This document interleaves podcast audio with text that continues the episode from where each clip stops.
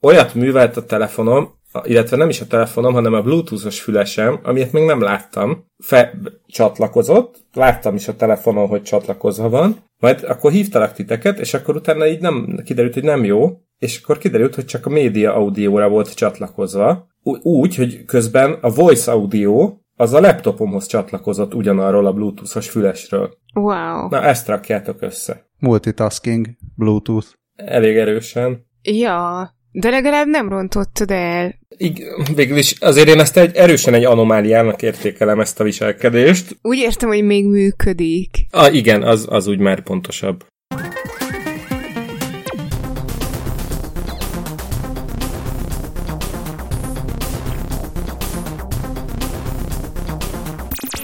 Azon gondolkodom, hogy itt most belekevertünk már follow a nem follow ez persze teljesen az én hibám, úgyhogy vállalom is, de itt nem teljesen tudtam tartani, amikor rakosgattam a híreket, azt, hogy az elején legyen minden, ami follow-up. De ami a legelső follow-up az az, hogy ugye beszéltünk korábban arról, hogy a maga Jack Dorsey bejelentette, hogy már pedig a Twitter fact fogja a fontos vagy potenciálisan félrevezető stb. tweeteket. És beszéltünk arról, hogy na majd, hogyha Trumpot, majd akkor majd meglátjuk, hogy ezt mennyire gondolják komolyan. Megláttuk. el, megláttuk, el is, el is jött az idő. Ami érdekesség, hogy most az elmúlt egy-két hétben volt olyan tweetje is Trumpnak, ami, ami full összeesküvés elmélet, tehát most nem is tudom, hogy melyik, talán egy, egy NBC vagy CNBC-s újságíróról terjesztett, vagy át, át retweetelt valami olyasmit, hogy az lett volna, tehát valamilyen ilyen gyilkossággal megvádolós, teljesen őrült összeesküvés elméletet retweetelt, amire a, tehát ténylegesen ott így meghalt egy ember, és annak a, egy, egy, egy nő, és a, a nő özvegye kérte, vagy folyamodott így a médiához, nem is a Twitterhez, hogy szedje már le a Donald Trumpnak ezt a tweetjét, mert mert így meggyalázza a, a felesége emlékét. De nem ezt szedték le, hanem pár nappal később a, ez a távolról szav, vagy ilyen, hogy van ez a levélben Ez a szavazós, levélben szavazás, igen, igen, igen. Csalás, választási csalásokról agyment egyet a, a Trump, ami, tehát majd, majd javítsatok ki, vagy, vagy nem tudom, hogyha Dávid ebbe esetleg benne vagy jobban, akkor javíts ki, ha rosszul mondom, hogy arról van szó, hogy van egy szavazási mód az Egyesült Államokban, hogy levélben szavazol, és, és vannak olyan félelmek, vagy hát összeesküvés elméletek, vagy nem tudom mik, hogy így aztán milliókat csalnak, és különben is soros, míg minden bizonyíték meg jel arra mutat, hogy az ilyen módú csalások azok annyira elenyészőek, hogy nagyjából 350 milliós országban mondjuk van minden választásnál három darab ilyen, és az ki is derül. Tehát, hogy viszont az, hogy, hogy erről akár az elnök, vagy, vagy bárki más, aki sok embert elérhet, egy ilyen személyiség ír arról, hogy, hogy csalnak a választásokon, ettől aztán a kevésbé informált, vagy szegény, vagy mondjuk amúgy sem, amúgy sem mondjuk a, a hatalom felé nem nagy bizalommal élő emberek zárójelben értsd feketék nagyrészt, vagy hát kisebbségek, kevésbé fognak akarni majd szavazni. Tehát ezért, ezért rossz ez, és, és akkor a, a, a Trumpnak erre vonatkozó tweetje alá került ki ez a jelzés, hogy vigyázat, itt lehet megtudni az igazságot a levélben leadott szavazatokról, és akkor, hogyha arra rá kattintottál, vagy teppeltél, vagy bármi, akkor, akkor elvittek egy ilyen nagybetűs figyelmeztetéshez, hogy ordas nagy kamu az egész. Igen, ugye azt még tegyük mellé, hogy a, a Trump maga volt az, aki nem is volt olyan régen, ez egy ilyen két-három hete volt talán, amikor arról volt szó, hogy hát nem feltétlenül kéne elnyomni a választókat. Ugye van ez, ez is még egy ilyen kedves gyakorlat az Egyesült Államokban a voter oppression, ami annyit jelent, hogy, a, hogy így ellehetetlenítik egy csomó helyen a, azt, hogy egyáltalán valaki regisztráljon szavazásra, zárójel, hogy, hogy nem jellemzően a kisebbségek által lakott választókörzetekben működik ez a gyakorlat jellemzően, és, és akkor hát erre mindenféle kezdeményezések indulnak mindig, hogy nem kéne átrajzolni a választókerületeket, meg stb. És azt hiszem, hogy ezzel kapcsolatban mondta azt Trump, hogy jó, de hogyha ezt abba hagyják, akkor soha többé egyetlen republikánust se fognak megválasztani. Ez, ez a jelen helyzettel nem áll összefüggésben, de gondoltam, hogy szépen árnyalja a dolgokat. Én egyébként azt nem értem ebben az egészben, ugye már amikor Trumpot megválasztották, akkor utána ő közölte, hogy ő nem az amerikai elnök számára fenntartott POTUS Twitter handle fogja használni az elnöki kommunikációjára, hanem a a real Donald Trump pot, azt ugyanazt, amit korábban is majd mint magánember vagy magánfelhasználóként használt. És én, én akkor nem értettem először, amikor a Twitter erre azt mondta, hogy oké. Okay. És akkor ott úgy néztem, hogy hát nem tudom, hogy most ez hogy van, de hogyha én, én lennék Jack Dorsey, akkor azt mondanám, hogy kedves elnök úr, akkor el lehet olvasni még egyszer a felhasználói szabályzatunkat, és utána lehet használni a POTUS handle az elnöki kommunikációra, és a sajátot azt meg lehet a magánra kezit csókolom. Ehhez képest nem ez történt, úgyhogy önmagában már az is üdvözlendő, hogy három évvel később oda ezeket a, az úgy megírt figyelmeztetéseket, hogy én elsőre rá se jöttem, hogy az a figyelmeztetés.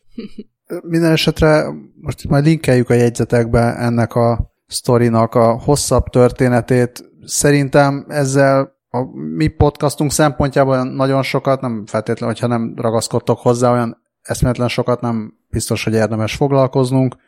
Itt egy millió újságíró és elemző újságír és elemez a témában, megszólal a Twitter, megszólalt a, a Facebook, és akkor majd erről beszélünk egy picit, de hogy magáról erről, erről a sztoriról, hogy utána elkezdett a Trump álmok futni, meg cenzúrát kiáltani, ugye, megint csak lábjegyzet, nem ez a cenzúra, tehát hogyha van egy magán-cég, akkor az a magán platformján azt tilt le, meg engedélyez akit és amit akar, szóval teljesen más dolog, nem csak az tényleg ez, ez érdekes, ahogy itt esik szét a nyugati demokrácia, hogy, hogy tényleg ezek a tech platformok azok, ahol folynak a kommunikációs harcok, és, és mit, mit próbálnak kezdeni ezzel a politikusok, már ilyen elnöki rendelettel akarnak valami olyasmit bevezetni, ami ami hát nálunk már, ha jól tudom, működik. Igaz ez? Hogy, hogy ez a nem felelősek a tartalomszolgáltatók a rajtuk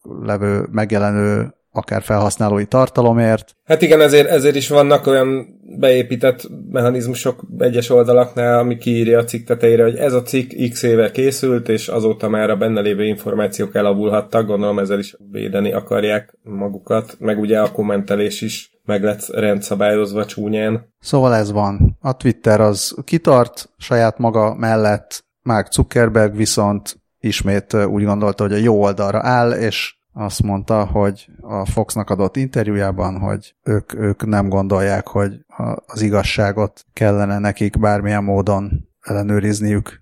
Köszönjük, Márk! ja, meg is kapta. Mármint gondolom, hogy nem izgatta magát nagyon, de mi, miután ezt mondta, elvileg úgy, úgy fogalmazott, hogy nem kell az igazság bajnokait játszaniuk, és miután ez az interjú megjelent, akkor egy ausztrál álhíres oldal mm, közé tett két cikket. Az egyik az, az egyiknek az volt a lényege, hogy hát a, a, e, a közösségi oldalak ne ellenőrizzék a posztok valóságtartalmát, mondta a gyermek molesztáló Mark Zuckerberg, és ebben a, ebben a cikkben ez is benne volt, hogy Mark szereti a fekete zselés cukorkát, illetve egy másik hasonló tartalmú ö, cikkben pedig ö, azt említették, hogy ö, Zuckerberg 36 évesen koronavírusban elhunyt, és ö, és hát ugye ezzel is próbálták felhívni a figyelmet rá, hogy ha-ha, valóban nem ártana ellenőrizni, hogy, ö, hogy igaz, igazság kerül-e ki, és, ö, és hát kérdezték már Zuckerberget, hogy mit gondol mindezekről, és nem reagált, viszont, ö, viszont a cikkek azok azóta is ö, elérhetők, és nyugodtan posztolhatja bárki Facebookra is. Hát én azt hiszem, hogy ezzel a kinyilatkoztatásával Mark Zuckerberg végérvényesen elhelyezte a Facebookot a, az internet szemétdombjának a megfelelő pozíciójában. Ez így erre nehéz mit mondani. Igen, meg egyáltalán ez, a, ez az érv. Igen. Hogy nem az ő feladatuk. Hát erre azt a, nem, ez se ilyen elemzés, hanem inkább csak reakció, amit, amit láttam, hogy a Twitter, a, tehát a, a, a, a Twitter nél is, meg a Facebooknál is, meg az Amazonnál is, meg mindenhol is azt érdemes nézni, hogy a részvények árfolyama hogy alakul, és uh, amíg a részvények árfolyama fölfelé megy, addig bármit is nyilatkoznak, esetleg bár, bármelyik oldalra is állnak, igazából nagyon nem fognak változtatni az addigi tevékenységükön, tehát az, hogy a Twitter pénzügyileg szarban van, és úgy gondolja, hogy, hogy megléphet egy ilyet, ez is megfelel ennek, tehát hogyha a Twitter hasítana, és, és az összes részvényes negyedévről negyedévre boldogan ülne le az, az eredmények elé, akkor lehet, hogy a Twitter sem lenne ennyire karakán és elfhű, míg a Facebook ugye megfordítva mondhat akármit, nem fog változtatni a jelenlegi működésén, nem fog azon változtatni, hogy, hogy esetleg a legdurvább félrevezető propaganda, meg összeesküvés elmélet terjesztő oldalaktól is csodálatosan elfogadja a hirdetési pénzeket, sőt, ezeket a tartalmakat tekeri gyorsan-gyorsan, mert erre kattintanak az emberek, meg, meg, a, meg a dühöt, meg, a, meg az ellenségeskedést, meg ezeket szítja, mert erre kattintanak az emberek, ez, ez nem fog ezen változtatni, azért, mert, mert közben meg a részvények értéke emelkedik, és valószínű, hogy az, hogy egy, egy vagy két ausztrál szatirikus oldal azt mondja, hogy elnye benye Márk, lehet, hogy ettől még jól fog aludni Márk. Pláne, hogyha még a... Esetleg lehet hogy, a, lehet, hogy azért az rosszul fogja érinteni, hogy már a 20 perccel a jövőbe is megszitta sokadik alkalommal. Akkor ez a motiváció röviden úgy foglalható össze, hogy őszinte részvényem. Egészen pontosan. Rátapintottál a lényegre. annyira, annyira jól rátapítottál a lényegre, mint hogyha egy, egy valamiféle emberi szerkesztő lennél. Egy humán, humán szerkesztő, egy humán hírszerkesztő, aki észreveszi a sok hír között, hogy mi a lényeges és mi nem. Ezzel most átvezettél a következő hírre, és átrendeztük a sorrendet? Akkor mégiscsak volt olyan, amit Balázs még nem látott a jegyzetben. ja, egy picit átrendeztem, igen. Elnézést. Azért, mert újságírásról beszéltünk, meg igazságokról, meg fekcsekről, meg ilyesmiről, és valahogy adta magát, hogy most beszéljünk egy picit még a médiáról, és majd később beszéljünk egy picit másról. Nem baj? Akkor mesélj a médiáról. Mi újság a médiában? Hát én nem, én kevésbé dolgozom a médiában, mint egyes mások, bár ahogy, ahogy vesszük, vagy hát remélem, én, hogy... Én, én most jöttem a médiából. Na, és még, e- még emberek a humán, igen, mi újság a humán szerkesztőségben?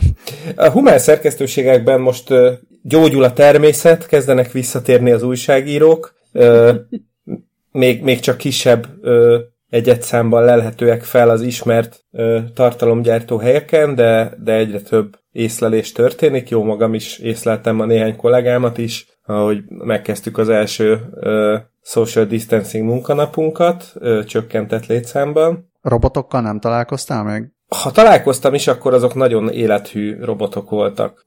Ö... Csak azért kérdezem, mert a Microsoft kirugott több tucat újságírót és szerkesztőt. Ennyi. A, a Microsoft News és az MSN részlegeitől. Ja, az más. Azt más. Igen, nem, nem tőletek rugott ki, tehát nem arra gondolt. Bill Gates bement hozzátok, és kiválogatta, hogy na, te nem, nem én, én, én, én őszintén szóval még az MSN ö, létezése, létezésén rökönyödtem meg egy kicsit. Jé, az még van. Tudom persze, hogy van, meg azt is tudom, hogy többen használják, mint azt, több, mint azt gondolná az ember, de akkor is vicces. Így 2020-ban. Hát ki tudja, hogy mi van még.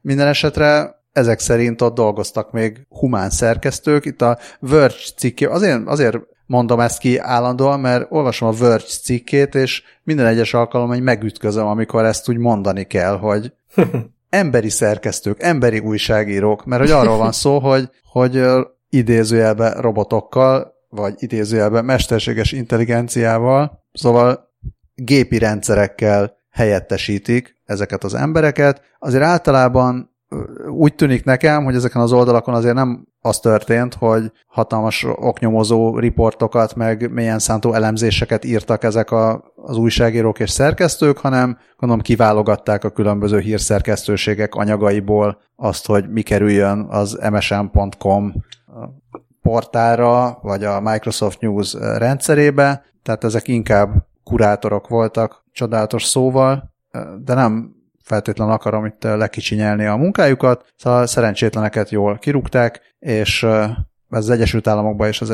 az Egyesült Királyságban történt, és, és azt állítja a Microsoft, hogy ez nem, még csak nem is a koronavírus járvány miatt volt, hanem egyszerűen csak az van, hogy csökkentik a, a humán erőforrást és növelik a gépi erőforrást ezen a területen. Pont. Mondjuk e, azt a részét megértem, hogy, a, tehát, hogy tényleg amikor egy ilyen, nem tudom, ajánlót vagy a sajtószemlét kell megcsinálni, azt lehet, hogy gyorsabban és pontosabban összerántja egy megfelelően konfigurált AI ma már, mint egy ember, aki beesik 9-re, akkor 3-4-10-ig ott így elkávézgat, aztán... Na most nem neki... magadról beszélsz, hanem ismersz Tá, ilyeneket. A, ilyen, láttam már ilyet, igen, tehát megfordultam már egy pár szerkesztőségben, egyáltalán nem, nem magamról kezdtem volna így beszélni.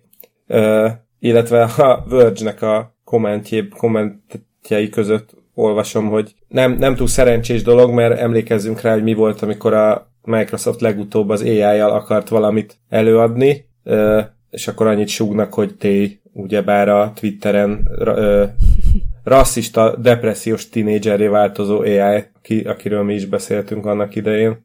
Pedig pont meg akartam kérdezni, hogy elkezdtek-e szóvicces címek megjelenni az MSN azóta? Mert akkor aztán azt érezném, hogy tényleg elviszik a munkánkat. Hát igen, igen, de ott azért még talán nem tartunk.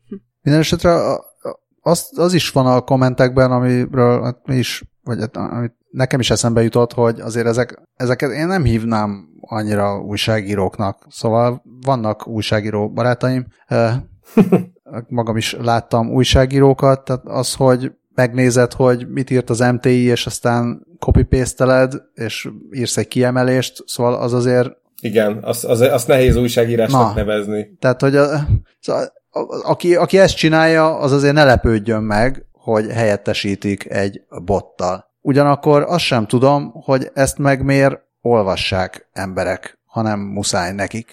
Tehát, hogy az, az egy kicsit ilyen, ö, ilyen pornográfia fogyasztás, vagy nem tudom mi. Tehát különösen így 2020-ban olvasni a, az agy, agyatlanul megírt híreket egymás után.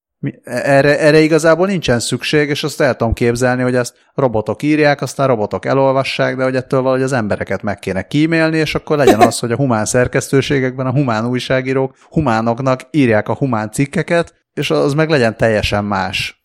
Humán, ennyi az idő? De nem lehet, hogy ezeket olyan emberek olvassák, akiknek nincs MTI előfizetésük? Uh, De szeretnék. Hát szerintem azzal mindenki jól, jól jár, ha nincs MTI előfizetése, mert lassan már az MTI-re is ráférne néhány fes AI, akik ott így normálisan meg tudnak írni egy-egy hírt, mert hát, hogy mondjam, igazán nem szeretnék így egy ilyen 20 perccel a jövőbe MTI beefet kirobbantani, de azért, azért volt egy némely hírszerkesztő műszakom, amikor emlegettem hozzátartozókat ott az MTI házatáján, illetve azon gondolkodtam, hogy vajon mennyiről állíthatnék ki nekik számlát, hogy gyerekek, akkor én most kijavítottam az ordító helyesírás és egyéb hibákat ebben a hírben, amit így elénk hánytatok, akkor beszélgessünk ennek az ellentételezéséről. Egyébként szerintem, tehát hogy a kérdésre válaszoljak, hogy ez milyen embereknek készül, szerintem olyan embereknek készül, akik meg van a telefonján valami ilyen híraggregátor izé, és akkor ők igazán nem nézik, hogy most honnan jön a hír, csak ott van, hogy nem tudom, mit csinált már megint Donald Trump, vagy, vagy nem tudom, hol, hol áll a tőzsde, vagy mi van a SpaceX űrhajóval, tehát akik igazából nem mélységeiben kíváncsiak a hírekre, hanem ilyen update formájában fogyasztják azokat, hogy jön egy push, igen, ez történt, oké, okay, látom, tovább, és akkor körülbelül pont az az információ mennyiség, amit egy ilyen AI viszonylag üzembiztosan össze tud pakolni egy hírből, az itt pont elég. Motto push, én így olvasok híreket? Nagyon szép. Hát én értem, hogy ezeknek van, csak azt mondom, hogy ez, ez, ez egy ilyen fölösleges fogyasztás. Igen. Ez... Hát ez sem, szóval ez sem új információ igazából, vagy nem, nem egy ilyen új vélemény, csak mondom, hogy amennyire fölösleges lehet egy idézőjeles újságíró itt az előállítói oldalon, úgy valószínűleg elég fölösleges ennek a fogyasztói oldala is. Most nem azt mondom, hogy rúgják ki a, az olvasó embereket, hanem, hanem hogy lehet erre valami hasznosabb tevékenységet is kitalálni. Még azon kezdtem el itt közben vakarózni a Verge ö, cikkét olvasgatva, hogy a, itt írják, hogy a legtöbb ö, érintett az a Microsoft Sane nevű divíziójában ö, került elbocsátásra, hogy én szépen mondjam. A Sane az... őket. Igen. Ez egy betűszó, ami a Search, Ads, News és Edge ből tevődik össze, ami mondjuk nagyon szomorúan megmutatja, hogy a Microsoftnak ezen a területén hogy állnak a dolgok, tehát hogy így egy kalap alá van véve a nem lét, gyakorlatilag nem létező kereső ipar, vagy üzletáguk az Edge böngésző fejlesztő iparággal. Én ott, tehát lehet, hogy az utóbbiak helyébe egy kicsit sértve érezném magam, hogy engem így összeraknak a bingesekkel.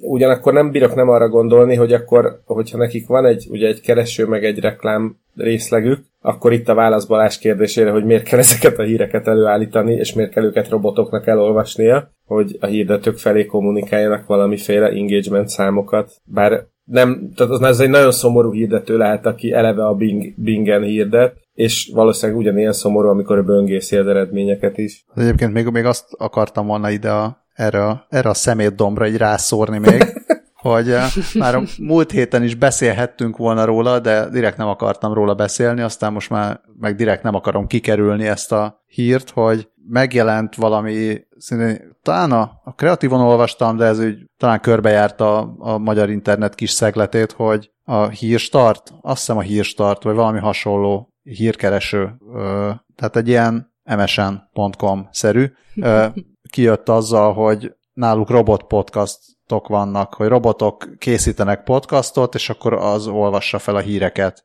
Ez, ez megvolt nektek? Vagy bedobtál? Talán a chatbe bedobtátok. Ez, ez va- igen, ez valahol, valahol ott járt, igen, chatbe vagy jegyzett alján, de igen. Ja. Belehallgattatok a bármelyik robot hír podcastba? Itt minden egyes szó, minden egyes szó, és még a vesző is idézőjelbe van, de duplán. Ezt a kedves hallgatóknak mondom hogy a robot is, meg a podcast is, meg a hír is. Nem hallgattam bele sajnos. Nagyon jól tetted. Én belehallgattam, de csak azért, hogy elmondhassam nektek, hogy mi ez. De már elmúlt? Hát már elmúlt, csak most megint elolvastam, hogy beszélünk erről, és akkor most megint visszajött. Tehát ez... Ilyen Vietnám flashback Igen. Szóval olyan értelemben valóban podcastról lehet beszélni, hogy audio, audio médiáról van szó, tehát a, füledbe belemennek a hangok, és, és azt hiszem, hogy tartozik hozzá RSS. Tehát ilyen értelemben, ha, ha ezt a nagyon laza követelményt tesszük arra, hogy mi az a podcast, akkor ez tényleg podcast. Tehát úgy, úgy jár, mint egy kacsa. Hát igen, igen, és olyan értelemben robot, hogy valamiféle ilyen text-to-speech uh, izé állítja elő, tényleg ilyen, ilyen hírkereső, meg hírstart, meg, meg hasonló szintű úgynevezett hírekből. És akkor, és akkor, és akkor ennyi. Tehát en, ennek a lehető ilyen legcreepibb és legösszefüggéstelenebb verziója, ilyen 5 perces darabkákba szaggatva. Amivel talán akkor nem is lenne nagy probléma, hogyha azt mondanák, hogy, hogy látássérült vagy gyengén látóknak, vagy akik nem tudnak esetleg más módon híreket fogyasztani, azoknak íme itt van, hogyha feliratkoznak erre a, erre a feedre, akkor a napi híreket 5 percben meg tudják hallgatni, és akkor lehet, hogy lehet, hogy azért ők is örülnének neki, hogyha itt lenne valamiféle hangsúlyozás, meg két mondat között szünet, vagy, vagy valami ilyesmi, de, de mondjuk, hogy a semminél ez is több. De, de itt szerintem még tehát itt beszélni arról, hogy most ez mesterséges intelligencia, meg, meg ilyenek, tehát azt gyanítanám, hogy egy ilyet mondjuk egy, egy másodéves programozó elképzelhető fél nap alatt megír, hogy nézd meg, mi van ezen az oldalon, olvastast fel, tolt fel valami, nem tudom, hogy ezt most hol hoztolják, de akkor tolt fel oda, RSS, és akkor kész. Ennyi. És, és kicsit ilyen hiszt is lettem akkor, hogy, mert csináljuk a podcastot, és szenvedünk azzal, hogy le, legyen valami, meg szeretjük a hallgatónkat, meg reméljük, hogy, vagy a hallgatókat, reméljük, hogy a hallgatók is szeretnek minket, és akkor, és akkor így ezzel, tehát hogy ezzel, ezzel hozni, ezzel így, egy, egy platformra kerülni, és akkor így ráizgul egy-egy, mondjuk azért olyan félkomolyan vehető média arra, hogy, hogy akkor most ez, ez, is egy, ez is egy podcast. Szóval ilyenkor arra gondolok, ilyenkor arra gondolok, hogyha jönne a Microsoft, és azt mondaná, hogy na jó, akkor nézzük, hogy kit lehet még itt robottal helyettesíteni, akkor, akkor lehet, hogy egy-két ilyen szerkesztőt is bele, behelyettesítenék robottal. Hát ha a robot az így tud különbséget tenni a között, hogy milyen az, amikor egy text-to-speech agentet, nem tudom, ráeresztenek egy RSS, vagy nem tudom, összegyógyítanak egy ilyen izé, RSS feeddel, és milyen az, amikor, nem tudom, újságíró megír egy cikket, meg milyen az, amikor ténylegesen egy ember megcsinál egy podcastot, vagy akár egy robot. Tehát, hogyha most egy tisztességes robot megcsinálna egy podcastot, akkor szerintem semmi probléma nem lenne vele. Sofia. És akkor a, azt mondod, hogy kéne egy ilyen iparági összefogás a podcast készítők között, hogy elérjük, hogy, hogy csak meghatározott dolgokat lehessen podcastnak hívni, ugyanúgy, mint mondjuk a virsli, meg a tej, meg ilyen élelmiszeripari termékek esetében.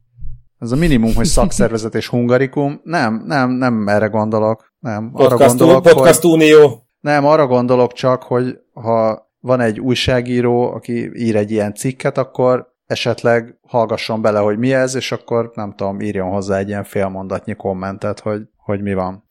De most nem, nem, feltétlenül csak ezzel, most nem feltétlenül csak ezzel a hírrel kapcsolatban, de, de ez, egy, ez egy kicsit olyan, mint amikor a múltkor beszéltünk arról, hogy a Redditen a mesterséges intelligenciával foglalkozó emberek hisztisztek egy sort, hogy mi mindent hívnak mesterséges intelligenciának, és mennyire nem jó ez meg félrevezető.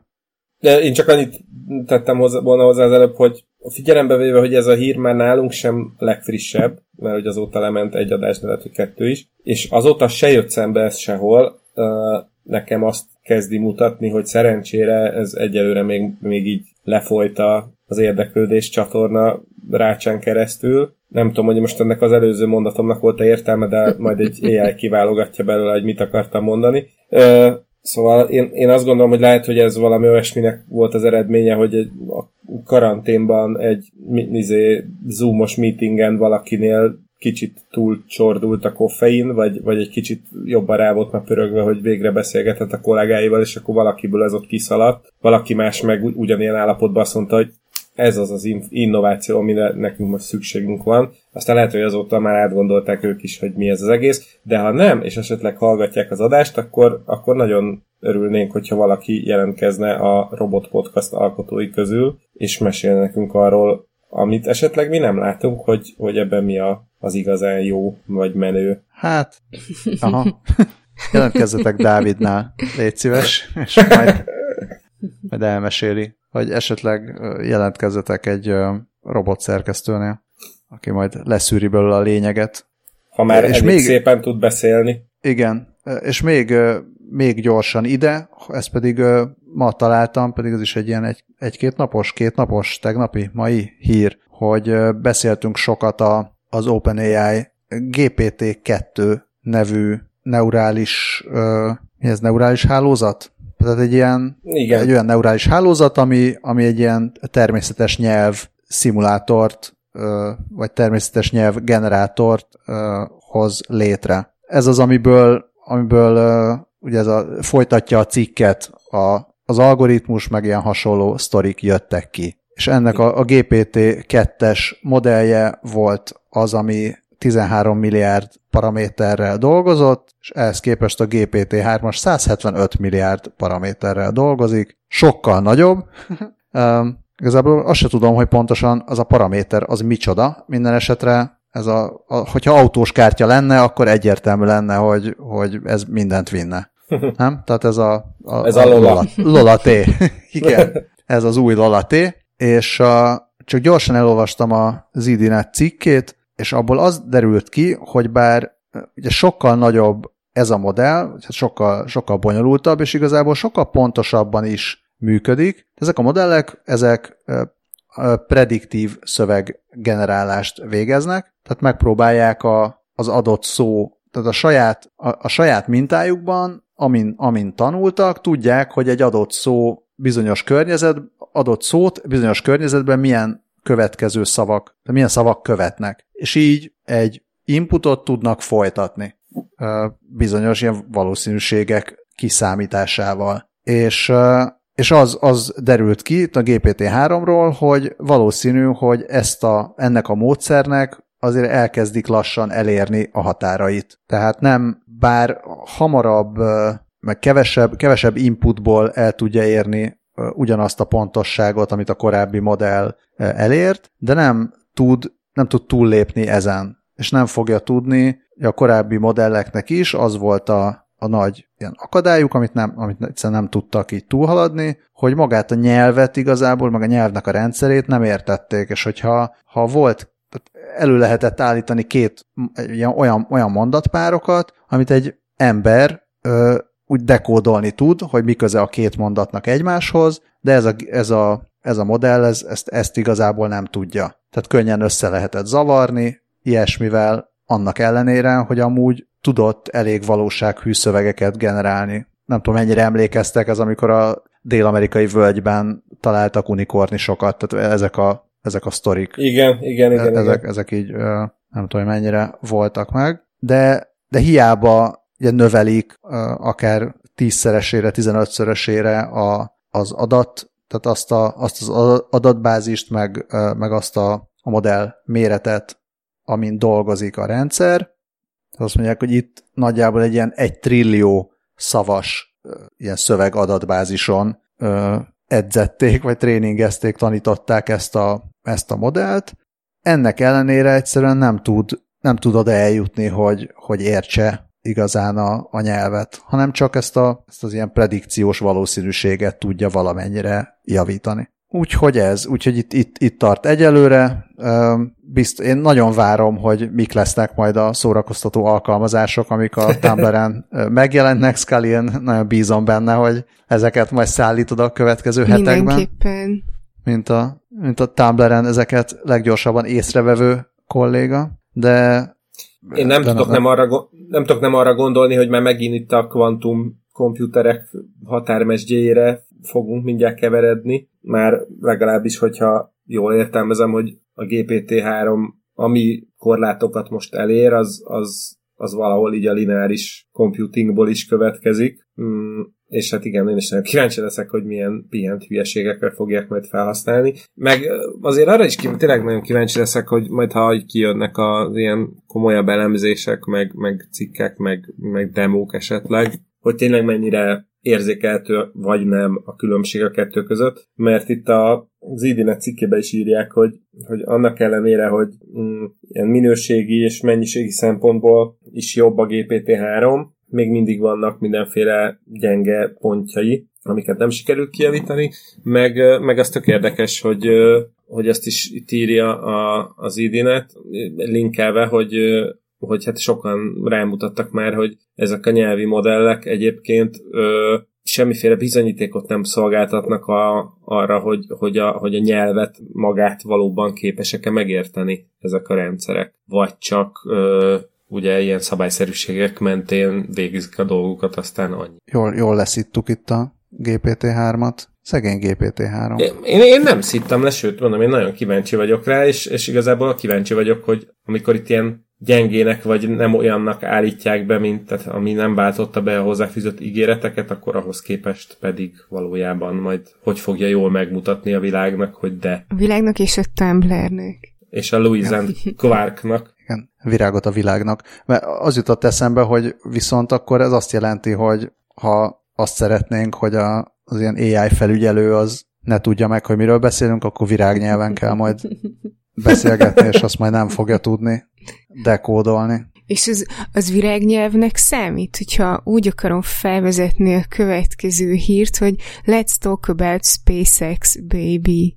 Jaj, de szép. Hát ez nem annyira virágnyelv, mert elég egyértelmű volt, de én, én minden esetre támogatom. És akkor ez is, ez is follow-up valamennyire, de valamennyire meg nem, mert az előző adásban mondtuk, hogy, hogy hamarosan elindul az első magáncég által finanszírozott embereket is szállító űrhajó a nemzetközi űrállomásra, de aztán az elsőre nem sikerült, viszont másodikra meg sikerült. Sőt, azóta oda is értek már. És ez nagy dolog volt, és valóban uh, azt látom, hogy be, belinkeltétek a Csillám Dinót. Igen.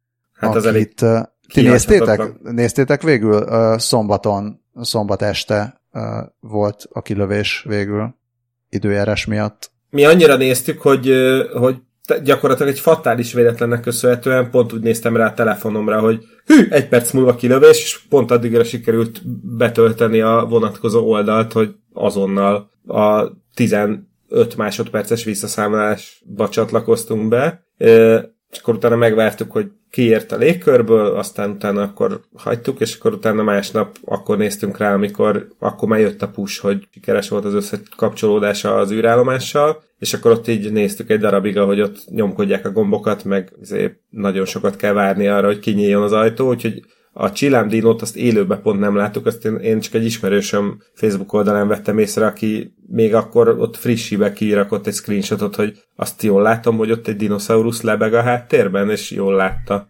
Ö, igen, én, a, én nem néztem élőben, ö, mert pont, pont, pont dolog volt, úgyhogy utána néztem a híreket, hogy ha-ha sikerült, és a, a, a csillámdinót, ö, a csillámdinóról pedig utána ö, olvastam, hogy ugye ez, ez, ez volt a, annak az indikátora, hogy, hogy akkor most már így kértek a gravitáció, hogy nincs gravitáció, és hogy, hogy az ilyen indikátor tárgyakat általában a, az űrhajósoknak um, családtagjai választják ki, hogy, hogy mi legyen az. És akkor ezt is így valamelyiküknek a gyereke választotta, és nagyon cuki.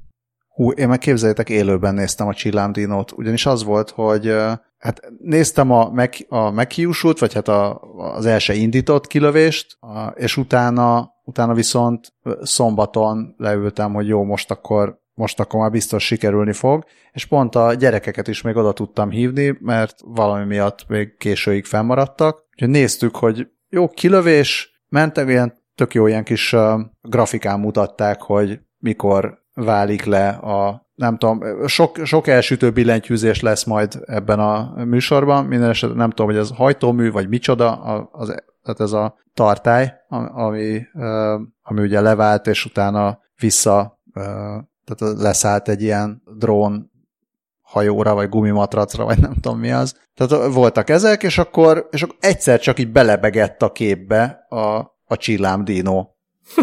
és akkor néztük, hogy ez, ez mi, mi ez, de mondták utána a közvetítésnél rögtön, hogy igen, ez, ez a, a súlytalanság indikátor, ami meg is lepett engem, hogy, hogy ez, tehát ezt korábban nem láttam, hogy, hogy történik ez.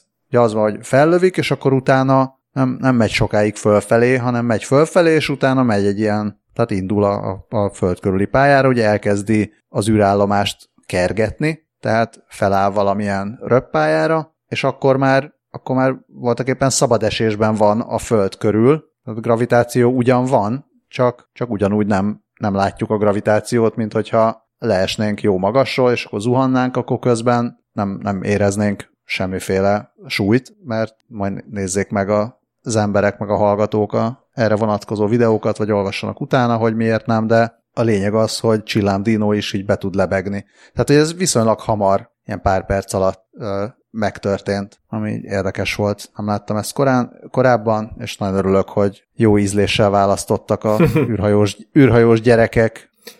Én, én, a, ezen gondolkodtam most, hogy, hogy mi lehet az ok, és egészen eddig arra jutottam, hogy valószínűleg eddig nem volt ennyire felkamerázva az űrhajó, persze hogy voltak azért belső képek, de valahogy kevés, tehát hogy igen, szóval hogy talán ez volt a világ első olyan rakéta kilövése, ami már abszolút a közösségi médiának ment. Mert nyilván mindenki Facebook élő, YouTube élő, stb. stb. Tehát nagyon sokan nézték online, és, és valószínűsítem, hogy, hogy egy kicsit ennek is a közönségnek szó. játszottak? A közönségnek játszottak, gyakorlatilag igen, és hogy elsütő billentyűzek egyet, ami, amit mondani akartál az előbb, ami leválik a rakétáról, az a fokozat, rakéta fokozatnak hívják a különböző részeket, amik leválnak. Hát ezt nem, nem tudom, ha ezt nem tudom fokozni, úgyhogy csak még azt akartam ide rakni, és ami miatt szintén majdnem, majdnem átcsúsztam ezen a híren már megint, az az, hogy a SpaceX oldalán van egy tök jó ilyen űrállomás dokkoló szimulátor, ahol lehet próbálgatni az űrállomáshoz történő kapcsolódást. Nem tudom, hogy ezt egérrel könnyebben, vagy trackpaddel könnyebb, én billentyűzettel próbáltam, és billentyűzettel nehéz, kommentelők azt mondják, hogy nem olyan nagyon nehéz, minden estre aki, aki nem szégyelli, hogy rettenetesen felpörögnek a, a hűtő ventilátorok a gépében, az nyugodtan próbálgassa. Én ezt másodszor nem nyitottam meg, mert úgy leterhelte a gépet ez az egész, hogy, hogy aztán, mivel nem volt itt megnyitva nekem a, a gépen, ezért egyszerűen elfelejtettem, hogy ezek a hírek jönnek, szóval most jöttem rá, most jöttem rá, hogy miért akartam átugrani ezt a hírt, és milyen jó, hogy, hogy mondtátok, és ezért, mert annyira leterhelte a gépet ez a szimulátor, hogy menekültem én, tőle. Én kipróbáltam, nekem nem terhelte le a gépemet, és annyira nehéznek se találtam, viszont baromi sok türelem kell hozzá. Illetve, hogy ez nem az a ilyen szórakoztató flash játék, amit, amit izé, két lőd le, a, lőd le a majmot. Igen, igen, igen amit két elvégzett munka között így 5 percet kattingatsz, hanem ez tényleg olyan, hogy ha ezt meg akarod csinálni, akkor bele kell ülni, és az legalább egy 20-25 perc lesz, hogyha te ezt rendesen végig akarod csinálni. És akkor tényleg el lehet felejteni mindent külvilágból, mert én most zárójelbe megjegyzem, és remélem, hogy kevesen hallgatják, hallgatják a munkahelyemről, hogy ezt egy céges ilyen Zoom meeting alatt indítottam el, amikor volt ráérő időm, és, és akkor utána nyilván ott azért nem tudtam százszerzelékban oda koncentrálni, hogy akkor minden szögés, minden ö, sebesség megfelelő legyen, úgyhogy egy idő után le is kapcsoltam, de tényleg érdemes kipróbálni, mert, mert úgy érdekes, meg úgy kicsit kontextusba helyezi az embernek, hogy amikor ezek a űrhajós népek ott jönnek, mennek, akkor az így miről is szól, meg mit csinálnak ezek pontosan.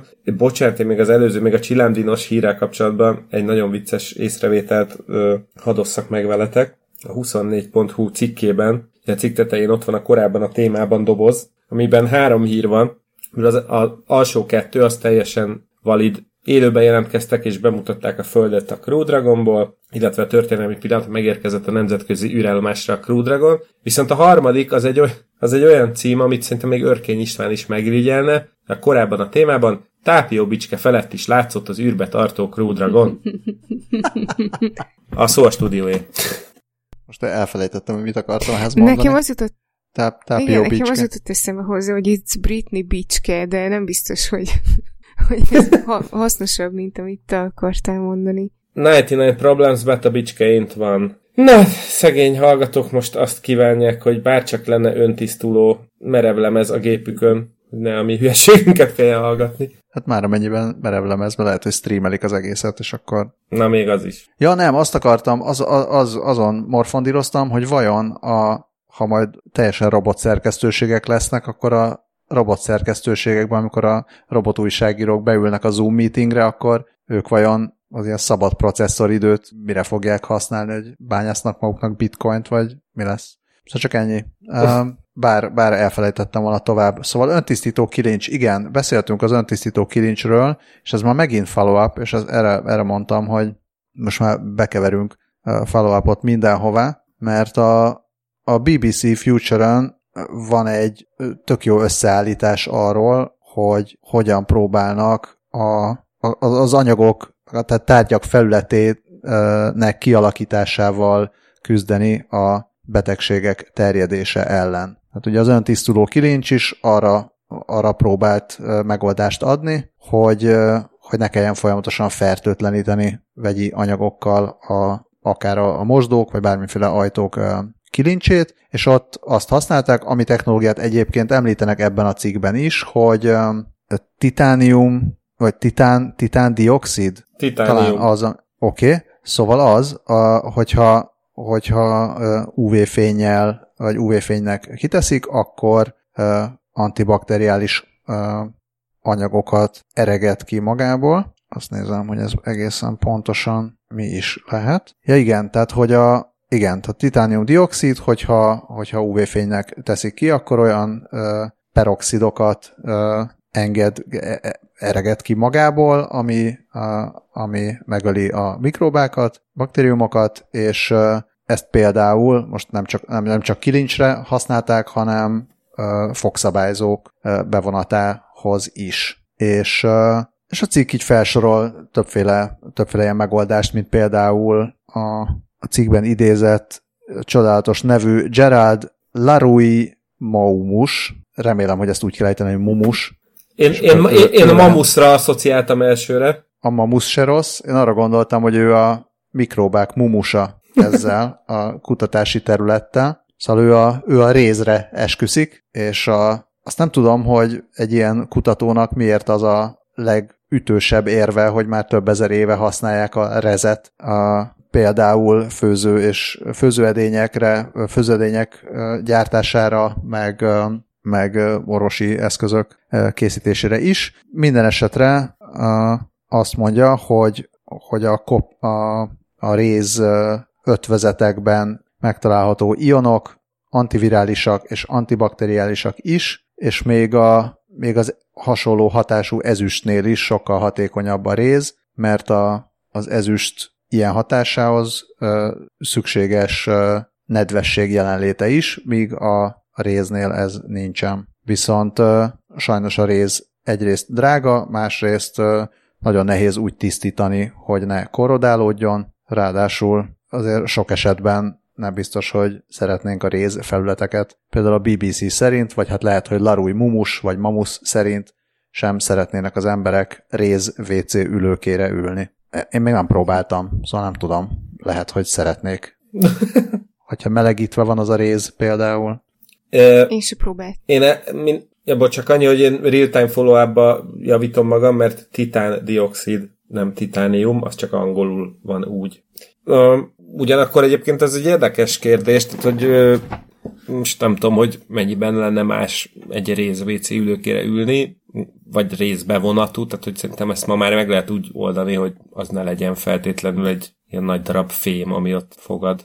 Ö... Lehet, hogy ez csak egy részleteltérés a cikkírója részéről. Részletkérdés, úgy érted? De hogyha nem tetszik a WC ülőke, akkor ki is vághatod a rezet.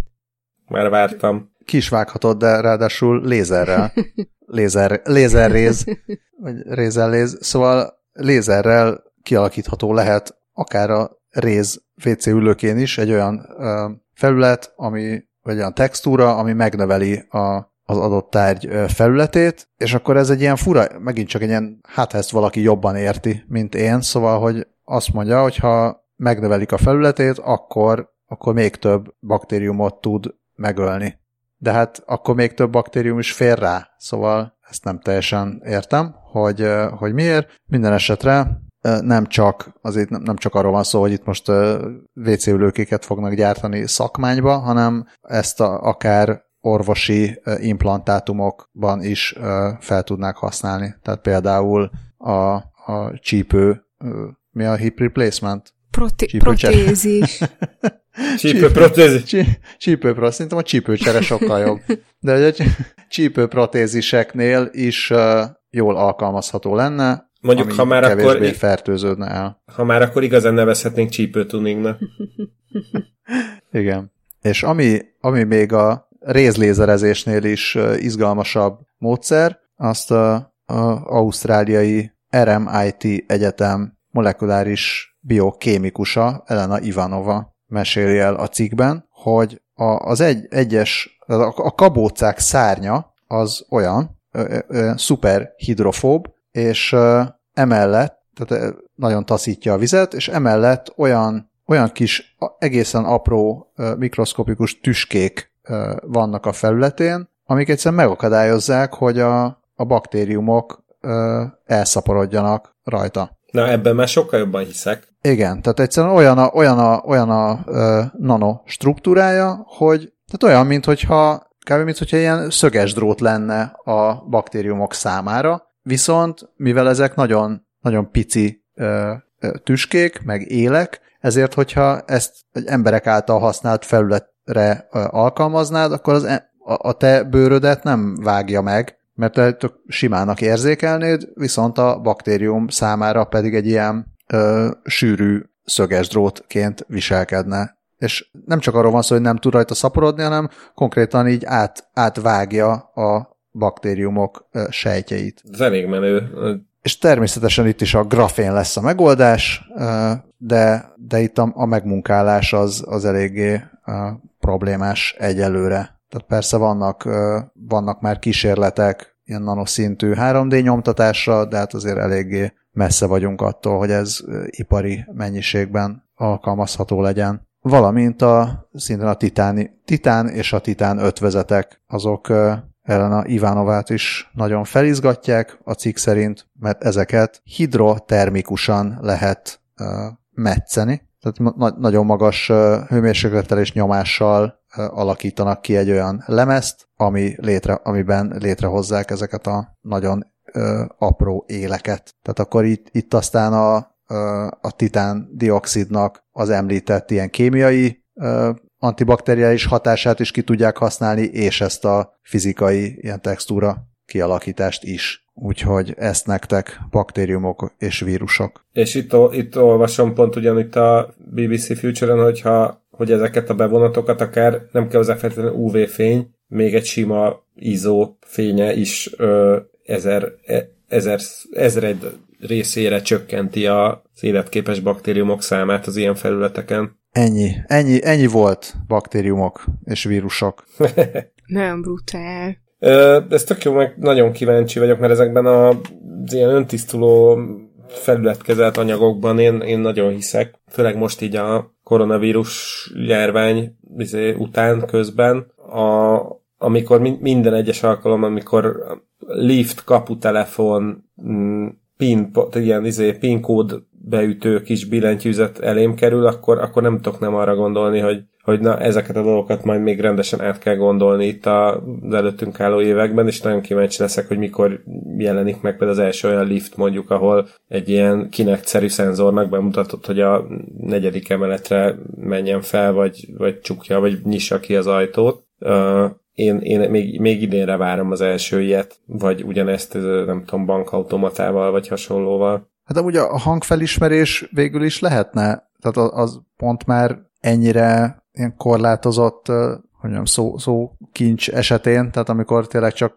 számokat kell mondani, ez végül is már szinte van azon a szinten, hogy lehetne alkalmazni. Itt a, az a kérdés, hogy mondjuk aki nem tudja ezeket kimondani, vagy valami más, más miatt nem tudná ezt használni, tehát mi az alternatíva erre de, de hát pont igen, szóval lifteknél nem gondolom, hogy nem gondolom, hogy itt a technológia az akadály, inkább az, hogy már, már így, ezek így léteznek, tehát hogy a, nem fogják az összes házban hirtelen kicserélni a lifteket.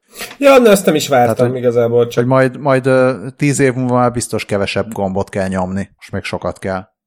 Tehát nem, nem fogod, szóval sokkal egyszerűbb most odarakni a készfertőtlenítőt, mint mindenhol lecserélni a meglévő infrastruktúrát. Ez tök jogos, persze. Annak ellenére, hogy, hogy valószínűleg, hogyha most az lenne, hogy nulláról gyásd le a hangvezérelt liftet, lehet, hogy nem kerülne sokkal többe. Tehát lehet, hogy nagyon keveset kéne a meglévő, meglévő folyamathoz, vagy a meglévő ilyen uh, gyártó sorhoz így hozzáadni, hogy akkor most legyen benne egy ilyen hangvezérlés is.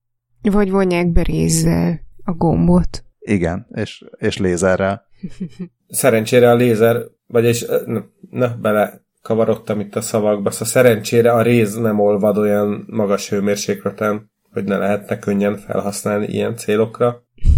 Így van, ellenben azzal a kerámia anyaggal, amit most tanában dolgozott ki egy orosz kutatócsoport, és a, még mielőtt beszélünk erről, hogy ezek kidolgozták, ezek a jó emberek a minden eddiginél magasabb olvadáspontú anyagot. Egy picit meg kell állnunk a, az intézet nevénél, ahol ők dolgoznak. Tehát ez úgy van, hogy, hogy a fiz.org-on jelent meg, ami azért egy komolynak tűnő publikáció, és akkor azt írják, hogy nust misis. és akkor próbáltam így fejtegetni, hogy mi ez a Nust is. Hát ez a Mr. Ez... Mr. Nust felesége, nem? Igen.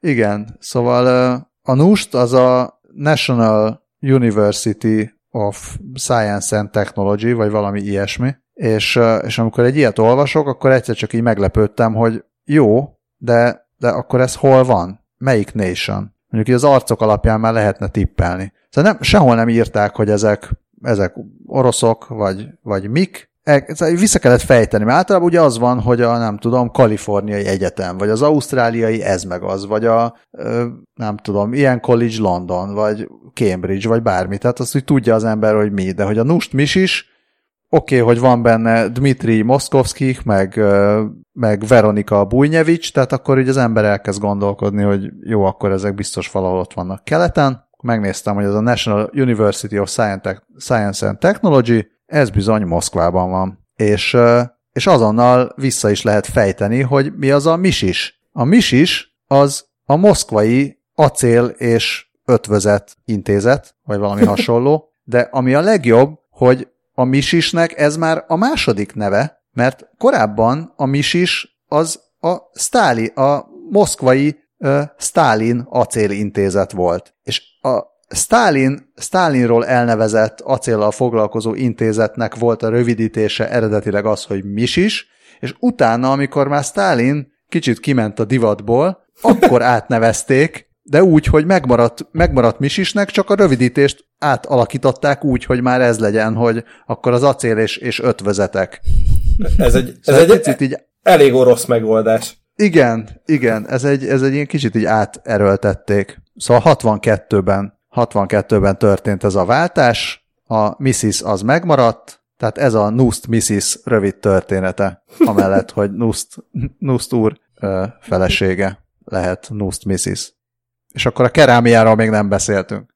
Igen, én közben azt akartam még mondani, hogy a Fizorgnak a cikkében látható fotón merengtem el, ugyanis legalábbis kisméretű képben, tehát nem kattint rá senki, olyan csodálatos kerületi koltai Robert hasonmás áll a kép közepén, hogy nem tudom róla levenni a szemem.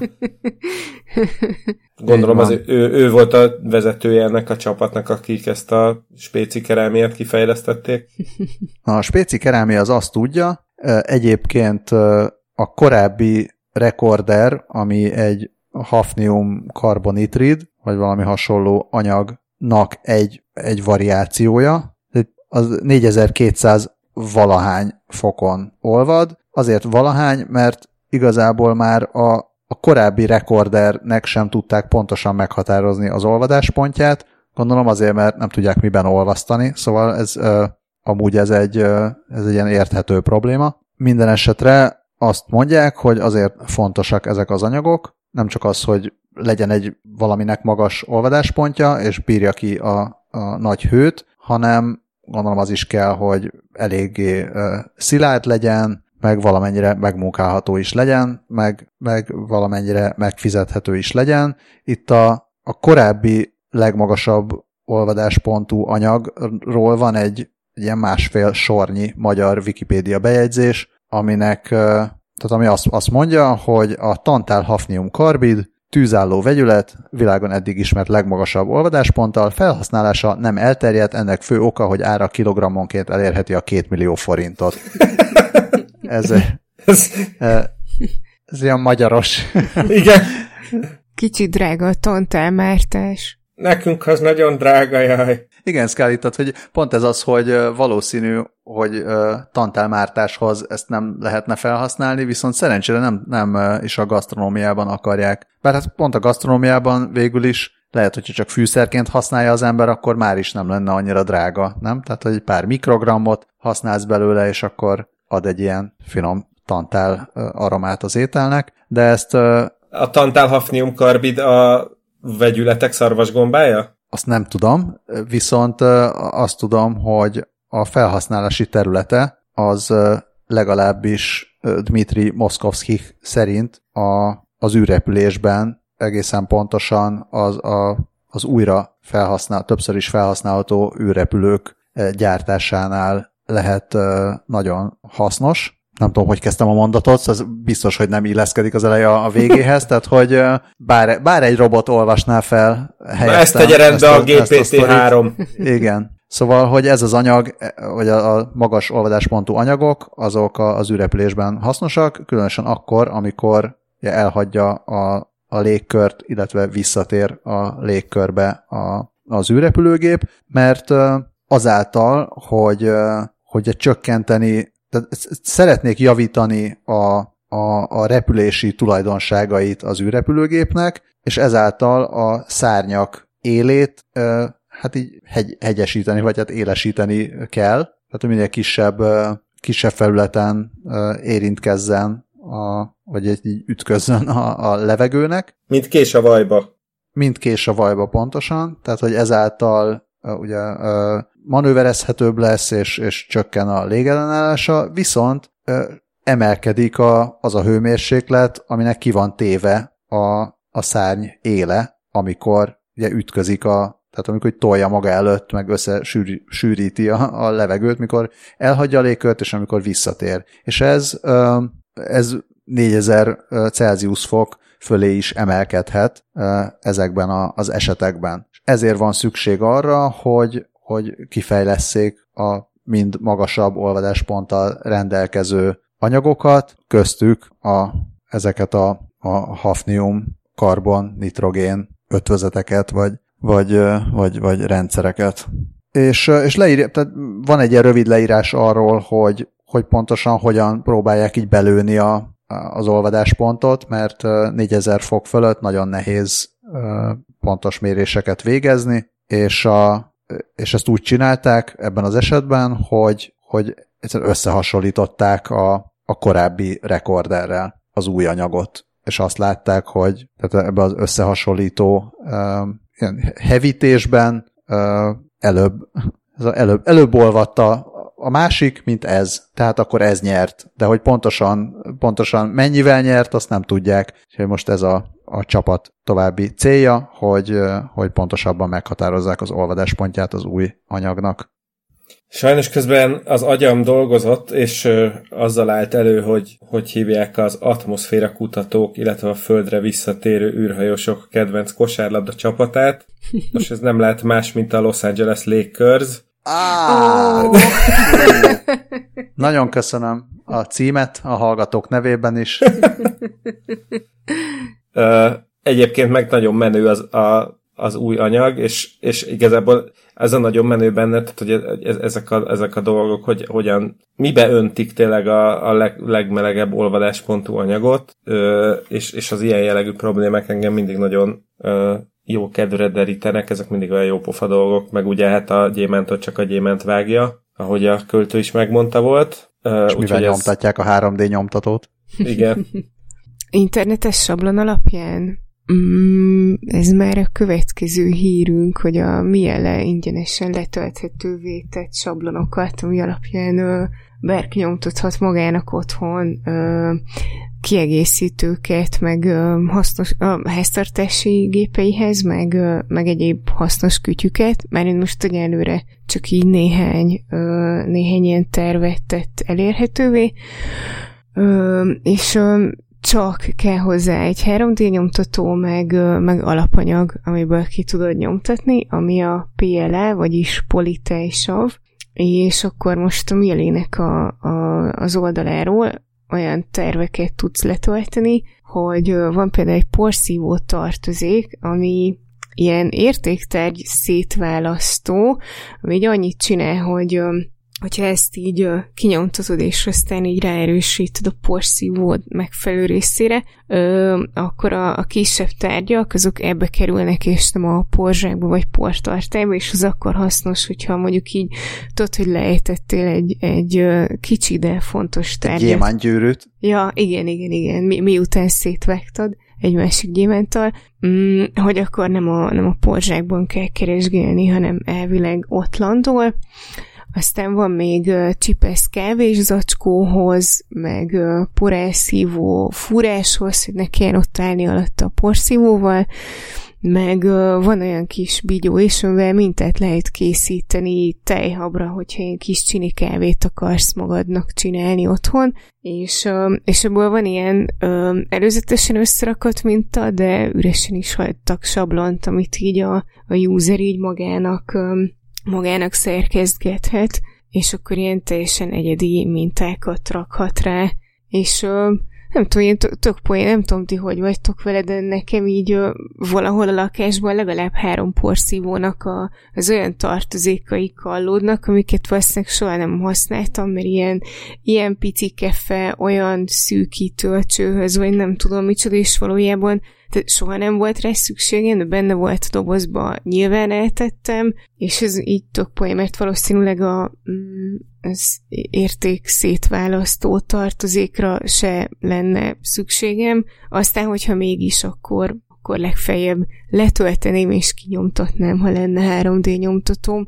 De hogy így tök, tök poén, hogy ha kell, akkor megcsinálod, ha nem kell, akkor meg nem kell, nem kell tárolnod. Ez egyébként teljesen jó, és igazából én még azt is látom benne, hogy a jövőben ez így a ilyen csomagolásmentesség felé vezető utat is szegélyezheti, vagy, vagy tényleg akkor lehet így ilyen DLC-s rendszerben vásárolhatsz magadnak, nem tudom, háztartási eszközöket, meg hasonlókat, hogy megveszed az alapgépet, aztán tényleg így, nem tudom, leasingeled, vagy kikölcsönzöd azt a tartozékot, amire épp szükséged van. Ja, Alig várom, hogy nyomtathassam magamnak robot porszívót. Nekem még csak annyi jutott eszembe, hogy nagyon remélem, hogy a cégnél valakinek lesz annyi humorérzéke, hogy ezeket a milyen letöltés menüpont alá helyezik majd el.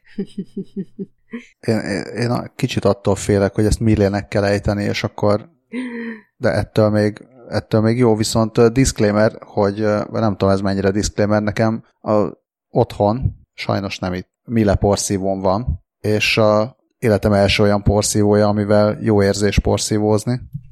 Hogy esetleg, hogyha Mille szeretné szponzorálni a 20 perc a jövőbét, akkor, akkor nyugodtan nem fogjuk elutasítani, hanem tártkarokkal várjuk őket. Szóval, szóval hiszek, hiszek bennük, biztos nagyon ügyesek és szépek. Azt nem tudom, hogy szóval az lesz majd érdekes, ha egyáltalán bármi ilyesmi meg fog történni valaha, amit így említ is a cikk, hogy hát azért a 3D nyomtatók azok még talán nincsenek minden háztartásban. Tehát ha majd lesznek, esetleg, nem tudom, hogy lesznek-e valaha, akkor, akkor mik lesznek tényleg azok a tárgyak, amiket az emberek otthon 3D nyomtatnak. Tehát lehet azt is mondani, hogy mi, mi lesz a 3D nyomtatás killer apja, vagy killer gyereke, vagy valamilyen, ami, amire majd gyakran fogják az emberek használni ezt, mert egy csomó ilyen csomó ilyen tárgynál, amit felraknak mondjuk, hogy tessék, nyomtas otthon ingyen, azt érzem, hogy, hogy, hogy ezek csomószor olyan tárgyak, amik, amikre nem, egyszerűen nem vennéd a fáradtságot, mert lehet, hogy hogyha annyi pénzed van, hogy minden egyéb megvan otthon, hogy nyomtass egy ilyet, akkor valószínű, hogy, hogy, hogy akkor nem te fúrod a lyukakat otthon. Nem? Meg hogy hányszor kell otthon lyukakat fúrni. Szóval jellemzően ezek nem ilyen, nem ilyen mindennapi dolgok, hogy hányszor kell szétválasztani értéktárgyakat otthon.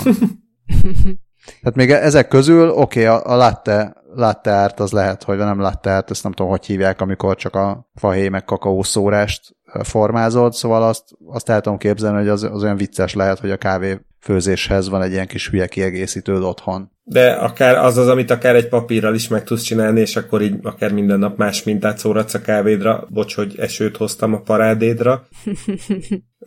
Én most közben még azon gondolkodtam, hogy, hogy most így nézek körül magam körül, és ami, ami legjobb use case eddig eszembe jutott, hogy a különféle távirányítók elemtartóinak a fedele. Igen, meg az ilyen, nem tudom, csavar, meg tipli, hogy most pont, pont egy ilyen csavar hiányzik, de de amikor elmegyek a boltba, akkor már elfelejtem, hogy milyen csavar hiányzott, tehát az jó lenne, hogy most, most kéne egy pontosan ugyanilyen, akkor most ez gyártsad le nekem. Mm, én uh, egyszer vettem viszonylag drágán egy 3D nyomtatott terméket, ami egy uh, David Bowie uh, arcmását formázó sütipecsét volt. És nagyon-nagyon örült neki az illető, aki kapta. Szóval ezek az, az ilyen dísz és díszítő tárgyak, az, az biztos vicces lehet. De ezek a, a, a porszívó fejek, ez viszont uh, arra gondolnék, hogy esetleg ez nem, nem egy ilyen mindennapi otthon takarítás. Most a, a mindennapi otthon takarítás. Szóval nem arra gondolok, hogy valaki minden nap takarít otthon, mert az, az, egy, az egy másik podcast, nem tudom, Marie Kondo, vagy valami hasonló, de meg uh, nem nézem ki sajnos egyikünkből sem, hogy minden nap takarítana, de amit, uh, amit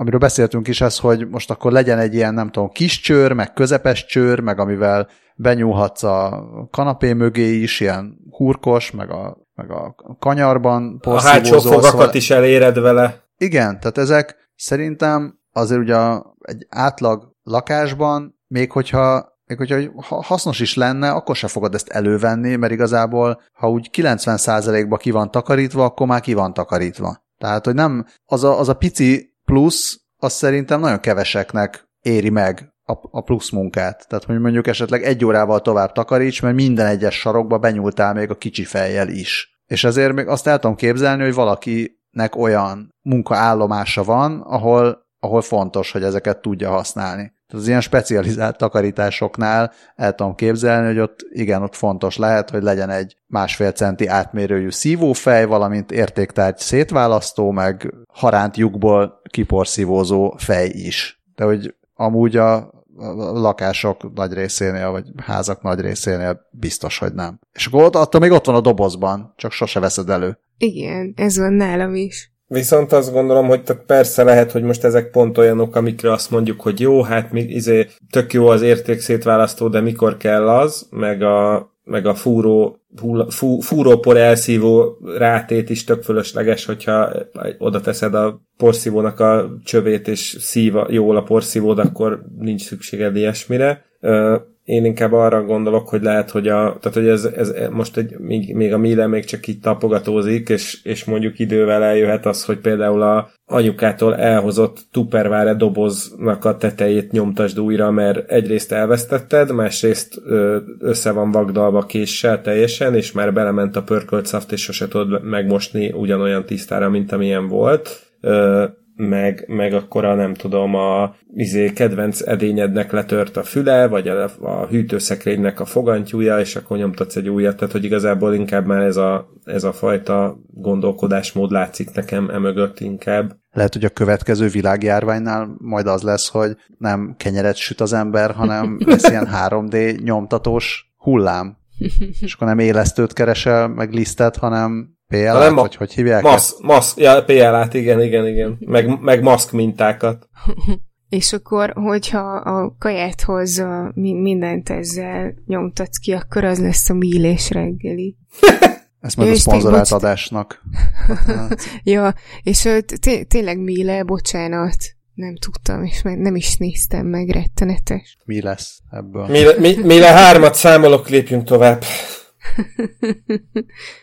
Tüntetőleg azt mondjátok, hogy menjünk tovább? Mondjuk... Menjünk, ö... ezt csak gyorsan bedobtam igazából. Nem annyira tech, meg talán nem annyira jövő, hanem inkább jelen, vagy hát ilyen jelen jövő, hogy a Gizmodon megjelent egy cikk, a, amikor nem bízhatsz a rendőrökben alcímmel vagy teggel ellátva, ami ilyen kis összeállítás, hogy hogy indulj tüntetni, mit csinálja a telefonoddal, hogy, hogy rendőr biztos legyen, vagy őrizetbevétel biztos legyen nem tudom, hogy ez Magyarországon esetleg mennyire releváns, minden esetre kedves hallgatók, hogyha esetleg mennétek a hatalom ellen tüntetni, akkor, és viszitek magatokkal a telótokat, akkor figyeljetek oda, hogy a biometrikus azonosítást azt előzőleg kapcsoljátok ki, legyen egy jó erős, tehát ne 1, 2, 3, 4, meg ilyen hasonló uh, passwordötök, ugye a PIN kódot is tegyétek kötelezővé, és hát azt nem tudom, hogy Androidon mit kell csinálni ahhoz, hogy uh, kicsit ilyen vészletiltás legyen, hogy van-e, de ugye vannak, van, a, az, van az arcfelismerés, meg, a, meg az ilyen Touch ID,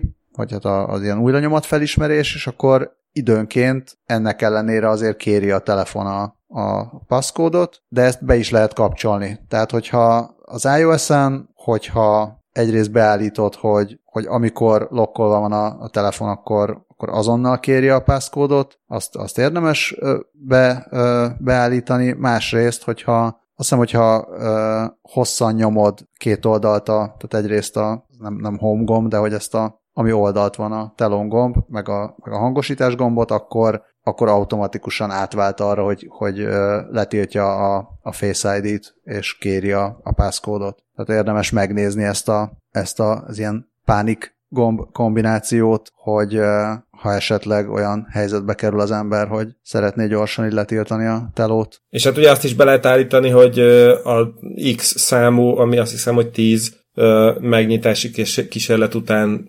zárolja a telefont, vagy, le, vagy törölje a tartalmát. Ezt is érdemes beállítani. Akár, akár demonstrálni megy az ember, akár nem.